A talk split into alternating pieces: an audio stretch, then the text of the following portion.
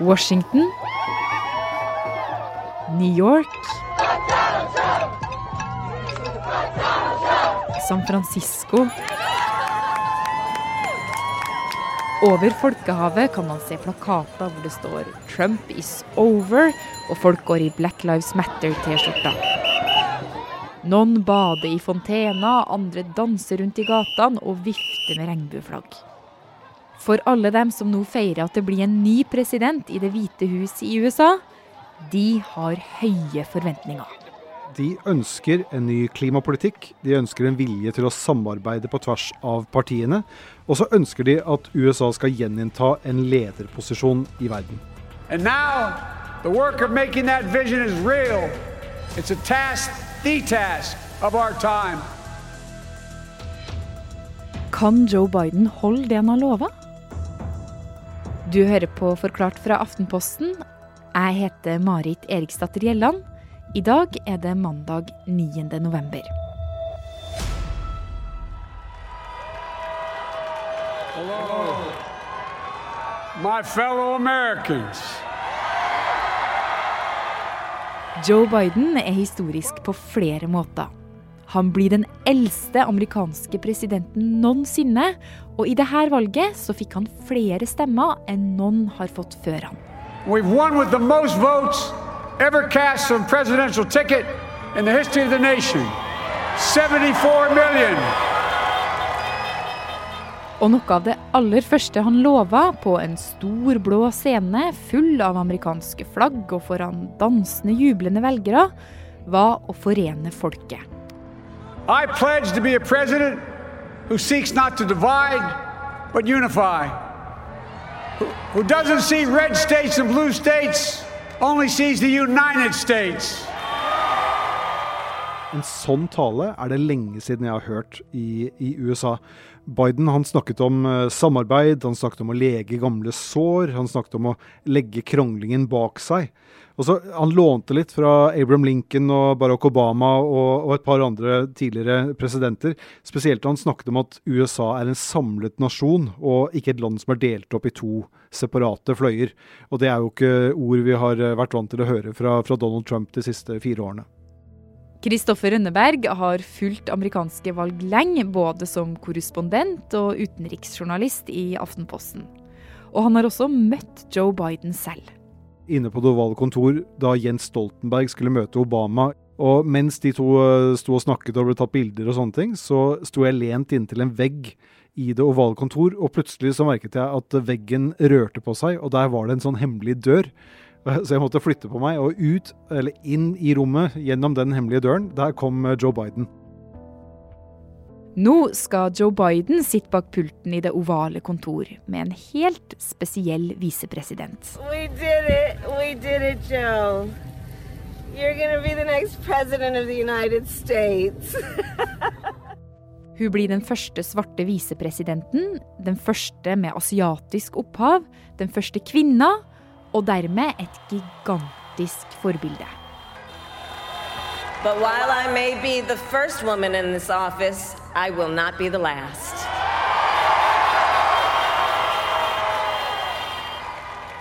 Biden og Harris de har lagt opp til en skikkelig ambisiøs start som eh, president og, og visepresident.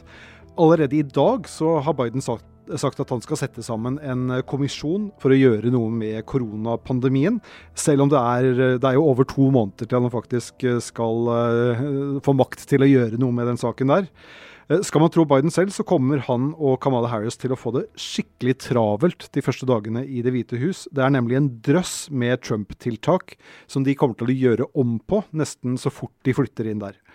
Uh, en av de tingene de kommer til å gjøre, er at de vil sørge for at uh, USA igjen går inn i Parisavtalen, altså klimaavtalen som, som Trump meldte USA ut av. Og så kommer Biden til å gjøre om på masse tiltak som, som Trump, der Trump har gjort det mulig å drive med oljeleting og, og ressursutvinning fra sårbare naturområder. Det har han sagt allerede at det, det kommer til å være en prioritet.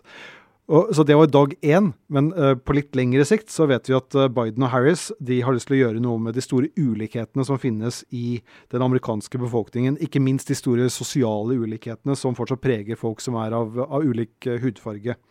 Den systemiske rasismen i USA, som vi har hørt del, en del om i, i, valgkampen, var også noe Biden snakket om i den talen han holdt natt til, natt til i går. Og her har han virkelig en skikkelig stor oppgave foran seg. Hva er det velgerne forventer av de her to? Det er litt vanskelig å si, fordi på den ene siden så har uh, Biden en veldig klar fordel i at uh, folk uh, ikke har så kjempestore forventninger til ham. Det aller viktigste, i hvert fall i første omgang, det er at Biden ikke er Donald Trump. Men det er jo klart at dette vil ikke holde i lengden. Og for at demokratene skal vinne også neste gang, så må de rette opp i, i hvert fall begynne å rette opp i, en del av USAs helt grunnleggende problemer. Og det blir ikke lett.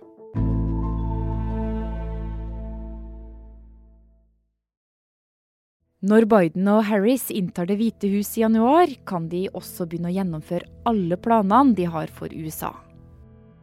Og for å endre på lover og vedta nye, så må de gå gjennom nasjonalforsamlinga, eller Kongressen som det heter. Hvis man tenker seg at man eh, står i sentrum av Washington DC, eh, f.eks. hvis man står i nærheten av Det hvite hus, som man da har på, på, venstre side, så ser man opp langs det som heter The Mall, en lang sånn gresslette midt i Washington. Da ser man opp på Capitol Hill, som er selve kongressbygningen, den, eh, den lovgivende forsamlingen i USA. Der har du en stor kuppel i, i midten av den store, hvite bygningen, og på hver side så har du en bygning. Og Der sitter de to kamrene i Kongressen. Det ene er Representantenes hus, som har 435 medlemmer, som er fordelt ut fra folketallet i de 50 delstatene. Den andre bygningen er Senatet, hvor hver delstat har to senatorer, så det er 100 personer der til sammen. Og begge disse kamrene må være enige om et lovforslag for at det skal bli vedtatt, og kan havne på presidentens bord, sånn at han kan gjøre det om til en lov. Ehm, både under Obama og under Trump så har opposisjonspartiet satt så mange kjepper i hjulene for det regjerende partiet, altså partiet med makten, at eh, politikken til tider har vært helt eh, stillestående. Og Obama og Trump har derfor løst dette her ved å, ved å bruke såkalte presidentordrer. Dvs. Si altså rene kunngjøringer om at fra nå så blir det sånn og sånn. President Trump said he was going to issue an executive order and vil i dag signere en presidentordre om sosiale medier. Is this going to be legal? Putting a wall between the US and Mexico? Taking action on coronavirus relief, bypassing Congress after negotiations failed. Noe av problemet med det, som Obama oppdaget eh, etter at Trump ble valgt, og som Trump kommer til å oppdage nå som eh, Biden flytter inn i Det hvite hus, er at eh, sånne presidentordre de er like lette å omgjøre som de er å lage. Men du, hvordan blir det her for Biden og Harris, da, eh, når de skal få gjennomført eh, politikk? Ja, sånn som det ser ut akkurat nå, så kommer eh, Biden og Harris sannsynligvis til å måtte forholde seg til en delt kongress. og det vil si at Demokratene de kommer til å ha flertall i Representantenes hus, mens republikanerne sannsynligvis vil ha et knapt flertall i Senatet. Så altså i de to bygningene i, eh, i Kongressen så vil hvert parti ha kontroll på hver sin del av, eh, av kongressbygningen. Senatet har ganske mye makt, og Biden kan derfor få en del av de samme problemene som hva forgjengerne gjorde, altså Trump og Obama. Og det vil vi se ikke minst når det gjelder å utnevne folk som skal sitte i viktige posisjoner i, i det amerikanske statsapparatet. Eh, og Biden, dette kan man legge merke til, han snakket ganske mye i talen sin natt til i går om at han ønsket å samarbeide på tvers av partilinjene. Og det tror jeg han sier fordi han håper at han faktisk skal klare å utrette noe de neste fire årene. Og for å få til det, så holder det ikke bare med presidentordrer. I hvert fall ikke hvis man skal få til noe som er varig. Da må han faktisk klare å få partiene til å slutte å være så lite innstilt på kompromisser som hva de har vært nå det siste tiåret. Men hva skal til for at han får til det, da? Og får republikanerne til å samarbeide med deres politiske erkefiende, altså demokratene? Jeg tror personen som finner svaret på akkurat det spørsmålet der, har masse penger å tjene som, eh, som lobbyist og rådgiver i, i, Washington. Fordi Noe av problemet i amerikansk politikk det er at polariseringen, dvs. Si altså avstanden mellom partiene, er blitt så utrolig stor.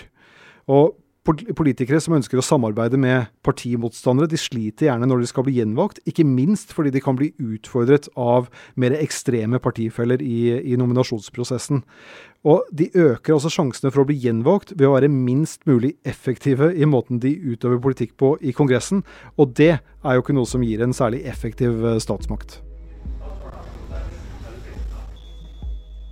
Ei anna utfordring er selvfølgelig pandemien.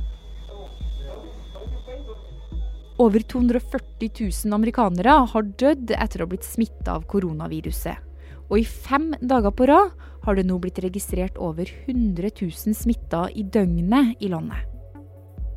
Biden har lovet eh, gratis eh, koronatester til alle. Han har lovet å bygge opp minst ti testsentre i hver delstat. Og så lover han å tilby gratis eh, vaksine når den tid kommer. Han ber dessuten alle guvernører om å innføre obligatorisk bruk av munnbind. Så det er ganske stor forskjell på det Biden sier og hva man har sett under, under, Trump. Og I tillegg til alt dette så har han sagt at han vil bruke det som trengs av penger for at småbedrifter skal overleve denne pandemien. Og ting som skal hjelpe, er bl.a. også å øke sosialstøtten og ettergi studentlån. Men alt dette her, det, det, har jo en prislapp, og den prislappen kommer til å bli veldig stor. Og I tillegg til det så har mange amerikanere allerede, allerede, vist at de er litt lei av koronakrisen. De har vist ganske stor motstand mot å ta på seg munnbind og e, egentlig å ta denne pandemien på det alvor de bør ta den på.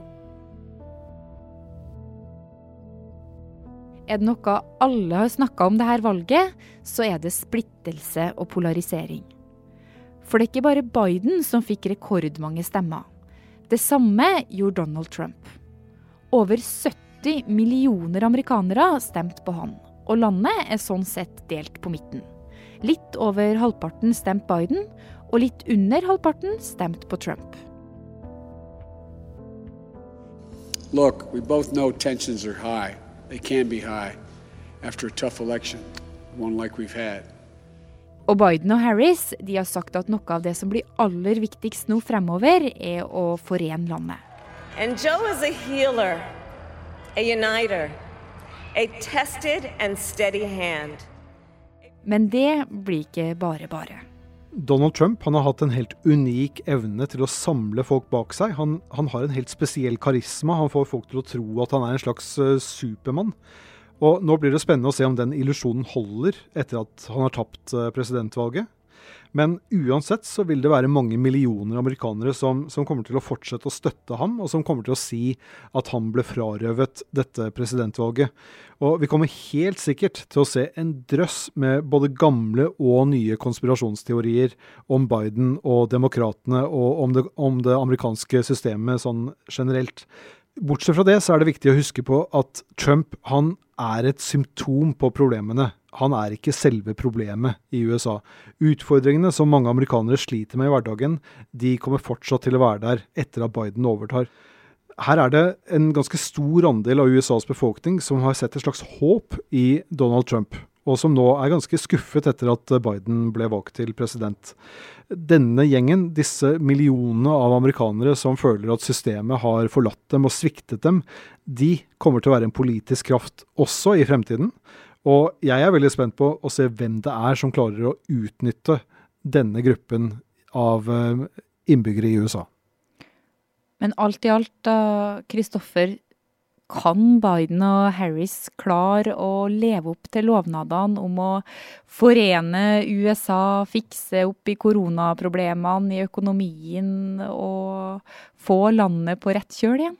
De kommer garantert til å skuffe en del, ikke minst de som er på venstresiden i eh, Det demokratiske partiet. Altså folk som ønsker en radikal ny klimapolitikk eller helsepolitikk eller skattepolitikk. Men jeg tror at Biden og Harris har en mulighet nå, fordi det er så mange som er fornøyde bare med å se at Trump forsvinner fra Det hvite hus. Og så har Biden sagt at hans rolle som president vil være å være en bro til en ny generasjon. Han ønsker å lage en eh, administrasjon, altså en ledelse, som ligner mer på USA, sånn som det faktisk ser ut i dag. Og dersom Biden klarer å ta USA litt lenger vekk fra fortiden, der hvite menn bestemte alt, så vil jo det i seg selv ha vært et viktig bidrag som eh, mange nok vil mene er nok for en, eh, en 78-åring som, som Joe Biden. Og så er spørsmålet om han klarer å forene og hele og alt dette andre som han snakket om i, i talen sin.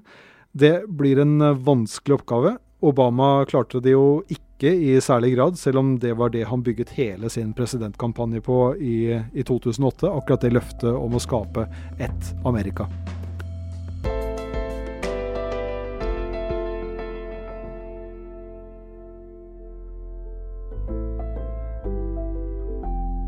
Denne episoden er laga av produsent Anne Lindholm og meg, Marit Eriksdatter Gjelland. Resten av Forklart er Karoline Fossland, Fride Nesten Onsdag og David Vekoni. Du har Jeg skal bare rulle meg ned. Du har hørt lyd fra NRK, Fox News, CNBC, CBC og nyhetsbyrået AP.